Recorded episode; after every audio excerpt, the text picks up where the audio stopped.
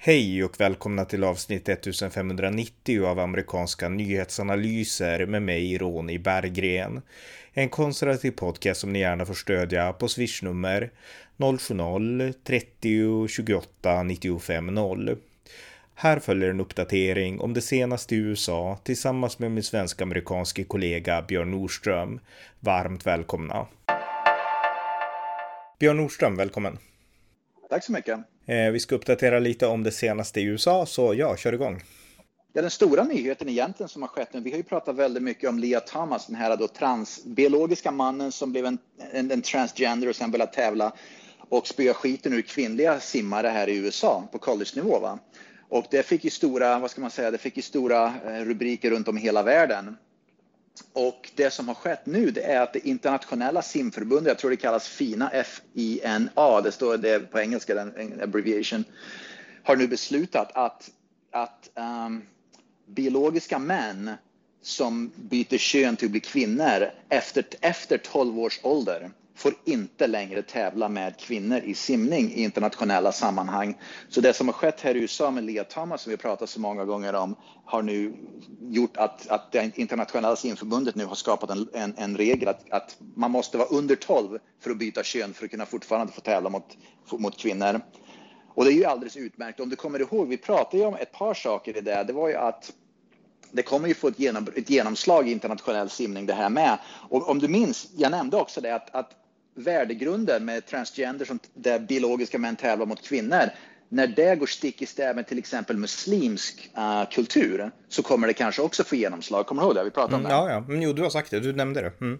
Precis. Det intressanta är att chefen, jag kollar just upp det, chefen för det internationella simförbundet är en muslim från Kuwait.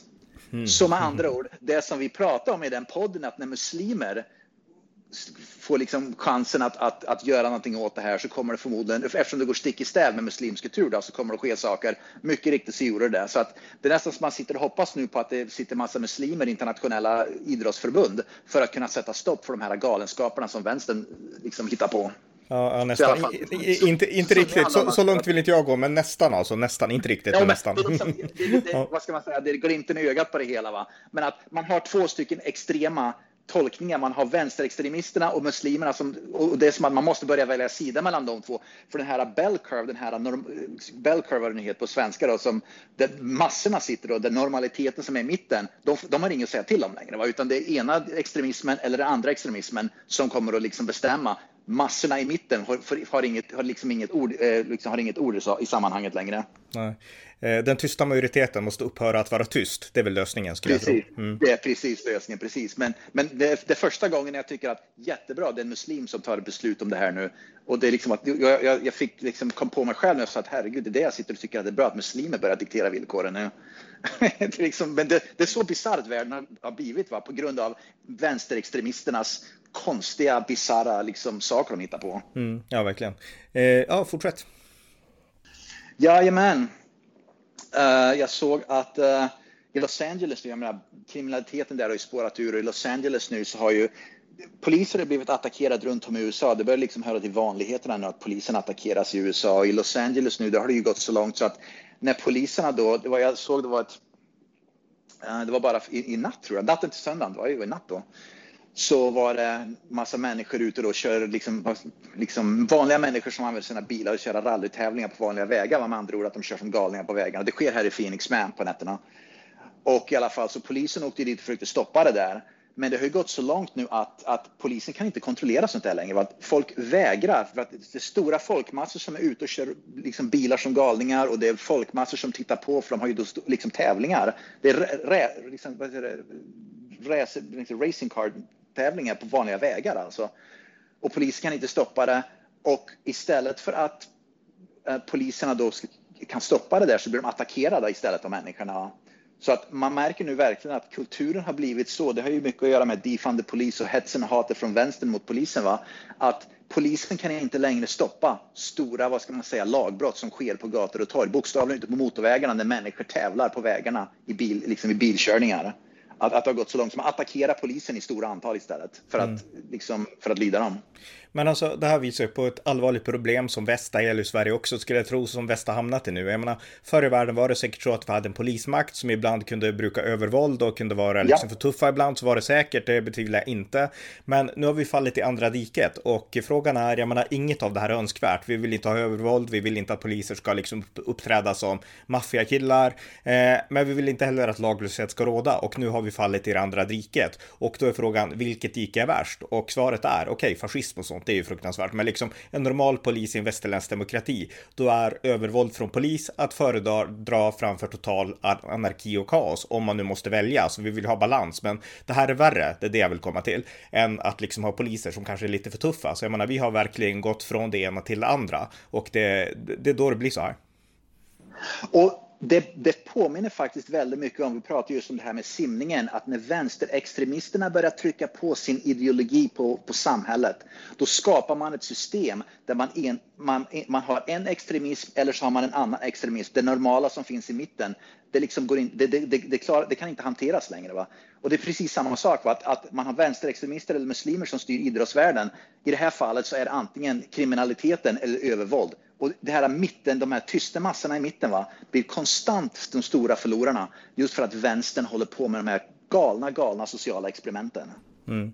Och på tal om balans så kan vi prata om Joe Biden. Han var ute och cyklade på en strand i Delaware och eh, han kunde inte hålla balansen på sin cykel utan han ramlade mitt framför filmkamerorna så föll han pladask åt sidan och han, han var, han var oskadd som tur var så han skadades inte, det vill vi inte, men, men han visar ändå att, jag menar, han, han snubblar på flygplanstrappor och han halkar i duschen och han klarar inte av att cykla längre, för det där var inte så märkvärdigt. Jag har ju sett klippet, alltså det var inte så avancerat att sitta på cykeln där om man är liksom frisk och så. Grejen var ju det att det, det, han hade ju satt upp det som en sån här media, en sån här media appearance. Va? Så han hade ju liksom radat upp media framför. Han kom cyklande. Det skulle se flott ut när han kom cyklande över en väg och, och han skulle då stanna mitt framför massa tv-kameror och allt sånt där. Va?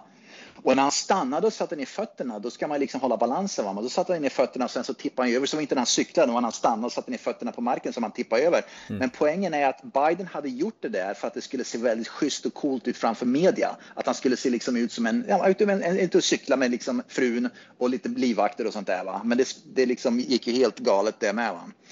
Uh, men, men alltså så, måste han, jag menar han är 80, han är liksom inte världens friskaste man. Och jag menar är man 80 så, jag menar man kan ju inte göra samma saker som man kanske när man var yngre eller ens när man var 70 eller 60. Och jag menar cykling, kan han inte bara släppa det? Liksom att jag kanske kan promenera men jag kan inte, jag kan inte springa längre. Jag minns presidentkampanjen, då försökte han jogga upp på arenan och det såg jättefånigt ut liksom. Han är en 78-åring som låtsas att han är, inte vet jag, 50 liksom. Jag menar kan han inte bara sluta med det här?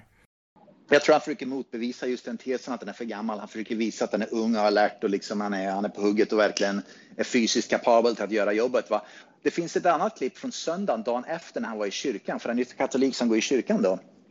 Och då så liksom kom han framhoppande framför kameran och skulle visa att det här, det, det, när han trillade på cykeln, det var liksom bara ett, ett olycksfall i arbetet ungefär. Så att om du tittar på dagen efter när han gick till kyrkan så var det också kameror där och då liksom hoppade han runt och liksom med klackarna i taket ungefär och visade att jag, jag är minsann en, en, en gymnast ungefär så jag kan, jag kan minsann slå klackarna i taket och hoppa runt och slå volter så det är inga problem för mig. Va?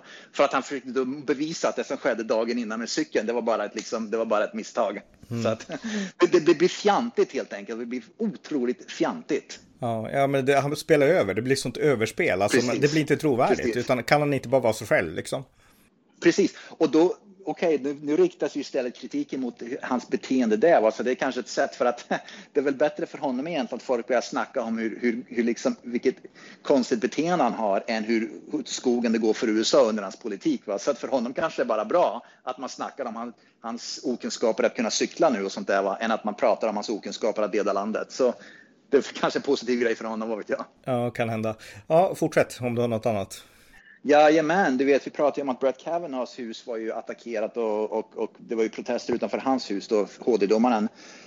Nu har även, nu har de börjat, de, naturligtvis vänsterextremisterna då naturligtvis, då, eh, de har ju börjat uh, protestera och demonstrera utanför Amy Barrett Cohen. Hon är ju också då, Conan, Cohen, kommer jag inte ihåg mm. namnet efternamnet, men i alla fall hon är ju också en, en nytillsatt HD-domare då som är konservativ, så nu sker protester utanför hennes hus i alla fall. Mm. Så att uh, vänstern har ingen respekt för, vad ska man säga, rättsstaten eller samhällsmakten eller någonting. Och jag kan lova dig med stor, med, med, med stor sannolikhet, det som vi ser att vänstern gör när de, liksom vänstern pratar ju liksom om att man ska vara tolerant och allt sånt där. Att jag tror inte jag har hört talas om när konservativa har protesterat mot utanför eh, HD-domares bostäder när till exempel Sonja Sotomayor har, gjort, har, har beslutat någonting som konservativa ogillar. Utan det här är ett nytt fenomen, fenomen när vi ser. Protestera utanför HD, Högsta domstolens byggnad, det är ju en sak, för det är liksom statens byggnad. Va? Men att ge sig på hemmen och börja protestera, det är någonting som vänstern pysslar med. Det har vi ju sett även i Sverige.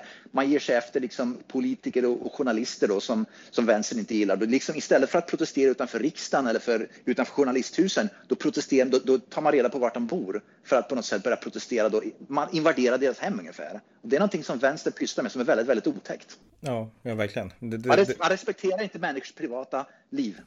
Nej, nej och det, det är mycket allvarligt, verkligen. Eh, ja, eh, fortsätt.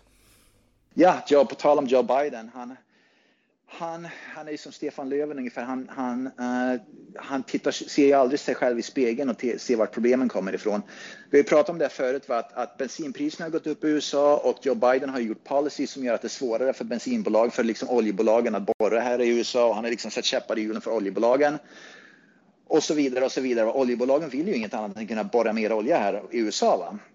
Gissa, så Joe Biden skickade ut ett brev till oljebolagens vd för bara ett par dagar sedan. Gissa vem han la skulden på att bensinpriserna har ökat så mycket i USA? Eh, Putin? Oljebolagen. Nej, Vad sa du? Oljebolagen och Putin. Oljebolagen, amerikanska oljebolag och Putin. Mm. Han säger att ni får börja borra mer olja helt enkelt. Och det är som att, men oljebolagen har ju just sagt att vi kan inte borra mer därför att Biden har ju satt käppar i hjulen. Allt som vi vill borra, nya ställen, federal mark och allting, han har ju liksom stoppat allt sånt där. Va? Så det sista, Biden fortfarande begriper inte att han är en del av problemet. Det är Putins fel och det är oljebolagens fel att priserna går upp. Han själv har enligt honom har agerat felfritt, precis som Stefan Löfven. Inget var hans fel. Allt var andras fel. Morgan Johansson är väl ett perfekt exempel på det. Allt är allas andras fel. Morgan Johansson är felfri enligt honom själv. Mm, ja. Eh, ja, precis. Eh, fortsätt. Ja, det var en massskjutning här i USA. Det är sådana här massskjutningar, massskjutningar som man inte pratar om. När det sker en massskjutning i skolor, liksom pratar ju alla om, va? men det sker ju massskjutningar. Så det här är bara ett typexempel på massskjutningar som vi pratar om, som du och jag pratar om, att det är de här massskjutningarna som sker varenda jäkla dag i USA. Eh, det var en gängskjutning där det var sju stycken som blev, eh, förlåt, två blev ihjälskjutna och fem blev skadade, så sju blev skjutna. Så det var ett, det var några bilar med gäng som åkte förbi någon, någon annan familj som var kopplad till ett gäng och de liksom bara sköt. Var det någonstans om du vet det? I San Antonio, Texas. Okej. Okay. Ja, och det är de skjutningarna Skolskjutningarna är fruktansvärda, men de sker faktiskt ganska sällan. Om man liksom, sannolikheten att det ska ske är ganska liten. Va? Men de här gängen som gör massskjutningar mot andra, mot familjer och gäng och sådana där saker, va? det sker var och varannan dag här i USA. Men det är någonting som inte diskuteras överhuvudtaget. Och sannolik, min gissning är att gängskjutningarna, där, massskjutningar där gäng är inblandade, det är ofta latinamerikanska, framförallt svarta gäng som håller på. Va? Och då är det liksom fel narrativ. Det liksom är fel färg på hud, hudfärg på gärningsmännen som skjuter. Och då kan man liksom inte måla upp det i centrum. Utan när skolskjutningarna, då är det ofta vita personer, vita män som skjuter. Och då är det liksom vit, det är enklare att måla upp det därför att det är vita män som man kan gå efter då. Eh, istället för gängen då som är ofta uh, mörkhyade. Och det är liksom, det, det, är ganska typiskt i media. Mm. Eh, jag tänkte fråga om du har någon koll. Alltså covid-debatten har nästan tagit slut här i Sverige. Det är ju nu inga restriktioner här. Och eh, jag vet att USA har också öppnat upp mycket mer. Men jag läser också att nu ska man börja med vaccin för alltså väldigt unga barn har CDC godkänt i USA. Hur mycket diskuteras det om corona nu? I princip ingenting. Man, jag hör inte speciellt, jag hör inte någonting om det. Jag vet att vissa företag pratar om att de ska återgå och sätta på maskar igen, därför, ansiktsmaskar därför att det verkar som att det kanske någon annan sån här uh, strain eller vad det heter, uh, virus kanske drar igång och så vidare. Va? Men det, i nyheterna så är det ingenting i princip. Det är helt dött. Ja, just det. Ja, ja något annat? Ja, uh, ett typexempel på, jag vet inte, får kolla upp vart det här var, men jag tror det var i New York. Ja, det var i New York. Uh, och det här visar också hur, hur fruktansvärt det här rättssamhället fungerar, framförallt i delstater och som New York där Demokraterna styr. Det här är liksom bara ett exempel. Det var en person som för bara ett par, tre dagar sedan åkte fast, blev anhållen för att ha eh, för stöld, gick in i en affär och var anhållen för stöld. samma person dagen innan hade blivit anhållen för stöld och sen släpps ut igen.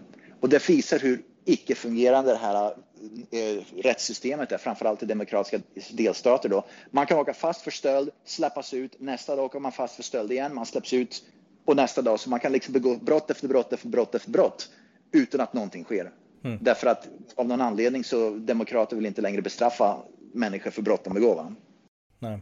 Nej, precis. Och det här är ju samma sak som vi var inne på tidigare. Alltså man har hamnat helt fel i helt fel dike och det skapar kaos och laglöshet och samhället går under om man inte liksom vidtar åtgärder. Och sen så när man har vidtagit de hårda åtgärderna, då kan man börja mjuka upp. Men du måste ju sätta gränsen och markera, annars så fungerar ju inte samhället.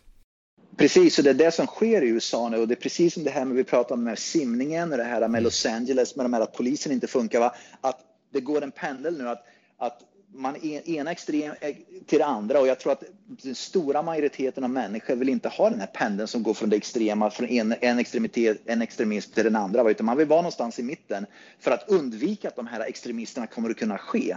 Men eftersom extremisterna är de som verkar vara de som styr och donderar och så vidare, va? så liksom blir det så att man hoppar från en extremism till en annan, va? tyvärr. Uh, och, och, jag vet inte, förhoppningsvis kan man kanske få ordning på det så småningom, va? men det är många liv som förstörs på grund av det här att man pendlar mellan en extremism till en annan va? istället för att hålla sig i mittenfåran ungefär. Allt för många liv förstörs på grund av den pendlingen. Mm, ja, verkligen. Eh, ja, har du något mer? Jajamän. Uh, vad det Ja, just det, jag såg att och det här är någonting som du har pratat flera gånger om, att allt fler republikaner börjar oroa sig över nu att, att Donald Trump kommer att deklarera sin sina planer för valet 2024. Med andra ord att Republikanerna de sitter i en guldsits nu att, att, att vinna valet i höst, va? kongressvalet i höst. Men problemet och det som de oroas för, och det håller jag faktiskt med om, de är oroliga för att Donald Trump kommer att deklarera att han kommer att vilja bli presidentkandidat 2004, 2024 och det kommer att förstöra Republikanernas möjligheter för i höst. Så jag säger det här redan nu. Snälla Donald Trump, om du lyssnar på den här podden på svenska, naturligtvis gör han inte det, men säg ingenting om presidentvalet 2024 innan valet i höst, i kongressvalet i höst är överstökat. Därför att om du hoppar in nu 20, i, redan nu i presidentvalkampanjen för 2024, då kommer fokuset att flyttas från kongressvalet i höst och Joe Bidens usla presidentskap till Donald Trump. Och det kommer bara Demokraterna vinna på och Republikanerna förlora på. Så jag hoppas verkligen Donald Trump kan hålla käften fram till december. Ja, jag håller med. Alltså ska han pålysa igen så bör han vänta tills efter mellanårsvalen. Definitivt, det är jag helt enig om. Eh... Och min, min, min, fråga är då om han, och han vet säkert om det. Så om han går ut och säger att han vill köra presidentvalet 2024, då undrar man, gör han det för att han vill sätta käppar i hjulet för Republikanerna? Eller varför gör han det? För att man vill, jag är övertygad om att Republikanerna kommer vara de stora förlorarna om han går ut och gör det. Mm. Ja, eh, det, det, tror jag också. Och eh, nu är det mycket prat om Donald Trump för den här 7, 6 januari-kommittén som, som diskuterar Trump. Och eh, Trump pratade nu nyligen, jag tror till och med om det var idag eller igår, på Faith and Freedom Coalitions konferens som de höll. Och då pratade han om att Mike Pence, du är ingen Thomas Jefferson eftersom du liksom, ja, inte, eftersom du lät Biden vinna valet. Och eh, jag är en stor fan av Thomas Jefferson och Trump, han, han missförstår Thomas Jefferson. Sen finns det andra saker som andra missförstår om Jefferson också, men eh, ja, Alltså, han är kontroversiell, Donald Trump, och ibland till hans fördel, men också ibland till, till sin nackdel. Så att han bör vänta verkligen till efter mellanårsvalet om han nu ska kandidera igen. Det håller jag helt med om som sagt. En person som skulle kunna gå ut och faktiskt göra, hjälpa Republikanerna, tror jag i alla fall, under mellanårsvalet om han deklarerar sin, sitt presidentvalskampanjande event, det är Ron DeSantis, guvernören för Florida om han skulle gå ut och säga redan nu att jag tänker bli köra president, då kommer naturligtvis Donald Trump att hoppa på, och kanske blir problem där. Men om en person skulle kunna gå ut nu uh, att, att, för att, för att liksom, som, som kommer att kunna påverka det här positivt, det tror jag är Ron DeSantis faktiskt. Om han skulle kunna göra det och sen Donald Trump håller käften, det vore faktiskt ganska bra. Men om Ron DeSantis går ut och säger att han vill bli eh, presidentskandidat, då tror jag Donald Trump hoppar på det och då kan det bli ett jäkla problem. Ja, men, men så Ron DeSantis kan hjälpa, Donald Trump kan hjälpa.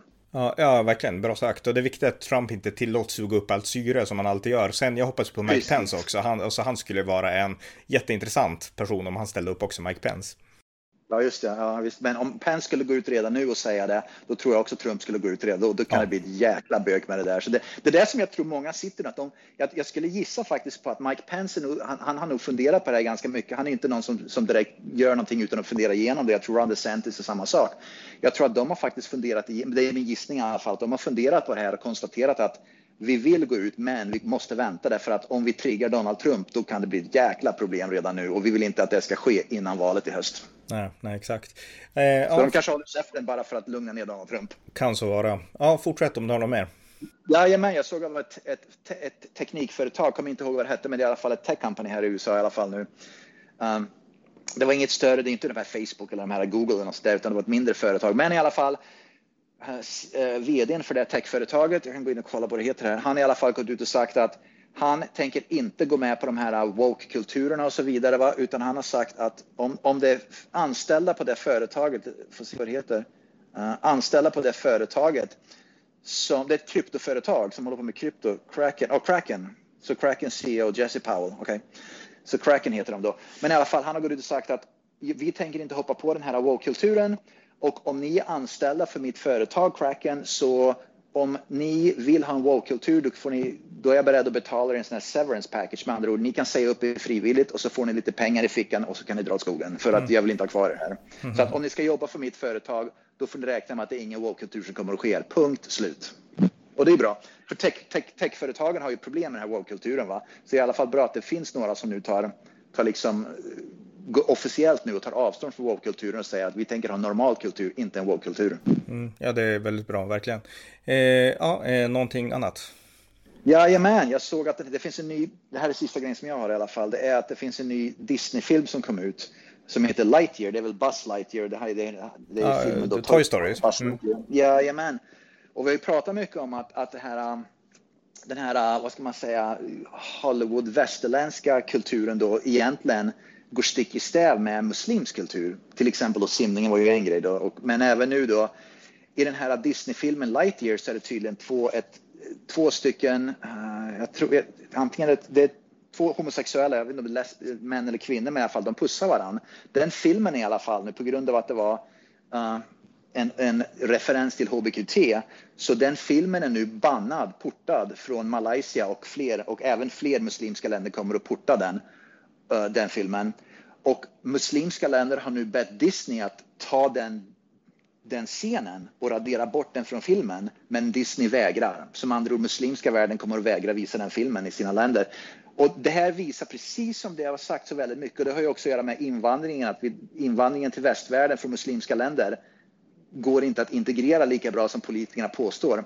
Därför att värderingarna skiljer sig åt. Och det här är ett bevis på just att värderingar mellan väst, västerländska värderingar och muslimska vär, världens värderingar skiljer sig väldigt mycket åt. Och den här Lightyear-filmen är bevis på att så är det bara. Och sen att vi ska komma och tro att vi kan dra in då i västvärlden, i Sverige, då, en miljon muslimer med de där värderingarna, att det ska fungera jättebra i, ett, i en kultur då, som svenska kulturen, där hbqt är liksom en stor grej. Va? Mm. Så att det är åter bevis på att västerländsk kultur inte kan integreras eller med, med muslimsk kultur, att det ska fungera på, på ett normalt sätt. Nej, exakt. Och på tal om film och muslimer och så här, så är det ju så att i Storbritannien så har man eh, dragit tillbaka, en biokedja i alla fall, har dragit tillbaka en film som heter The Lady of Heaven, en ny film som ja. handlar om en, jag tror att om en dotter eh, till profeten Muhammed och eh, det här är någonting som många muslimer har betraktat som hädiskt och därför har man ja. dragit tillbaka det här då och eh, ja, på, på, grund av liksom muslimska protester.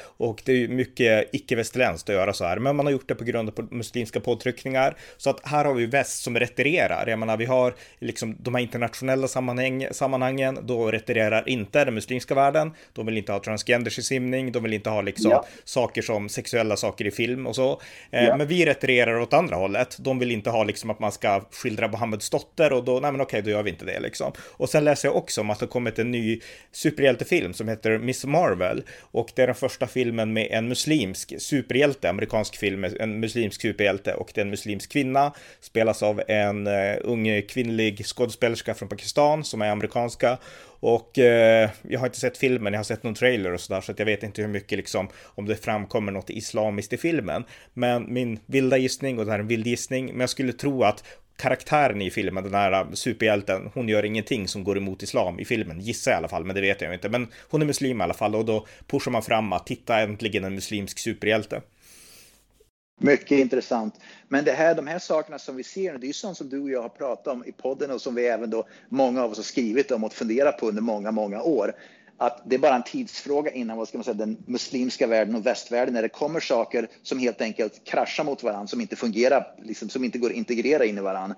Och det, det börjar vi se nu mer och mer och mer. Och det, det liksom bekräftar ju att det vi har sagt hela tiden är korrekt och det politiker och media säger att det går visst att integrera allt sånt där, det vet vi är fel. Mm, och det här är ju bara bekräftelse på precis det.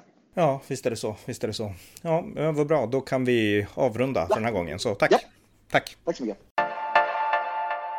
Tack för att ni har lyssnat till amerikanska nyhetsanalyser, där jag i sedvanlig ordning vill mana er som har möjlighet att skänka en slant till valfri organisation som bistår Ukraina.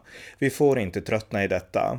Ni som däremot primärt vill stödja amerikanska nyhetsanalyser kan precis som tidigare göra det på swishnummer 070-30 28 95 0 eller via hemsidan på Paypal, Patreon eller bankkonto.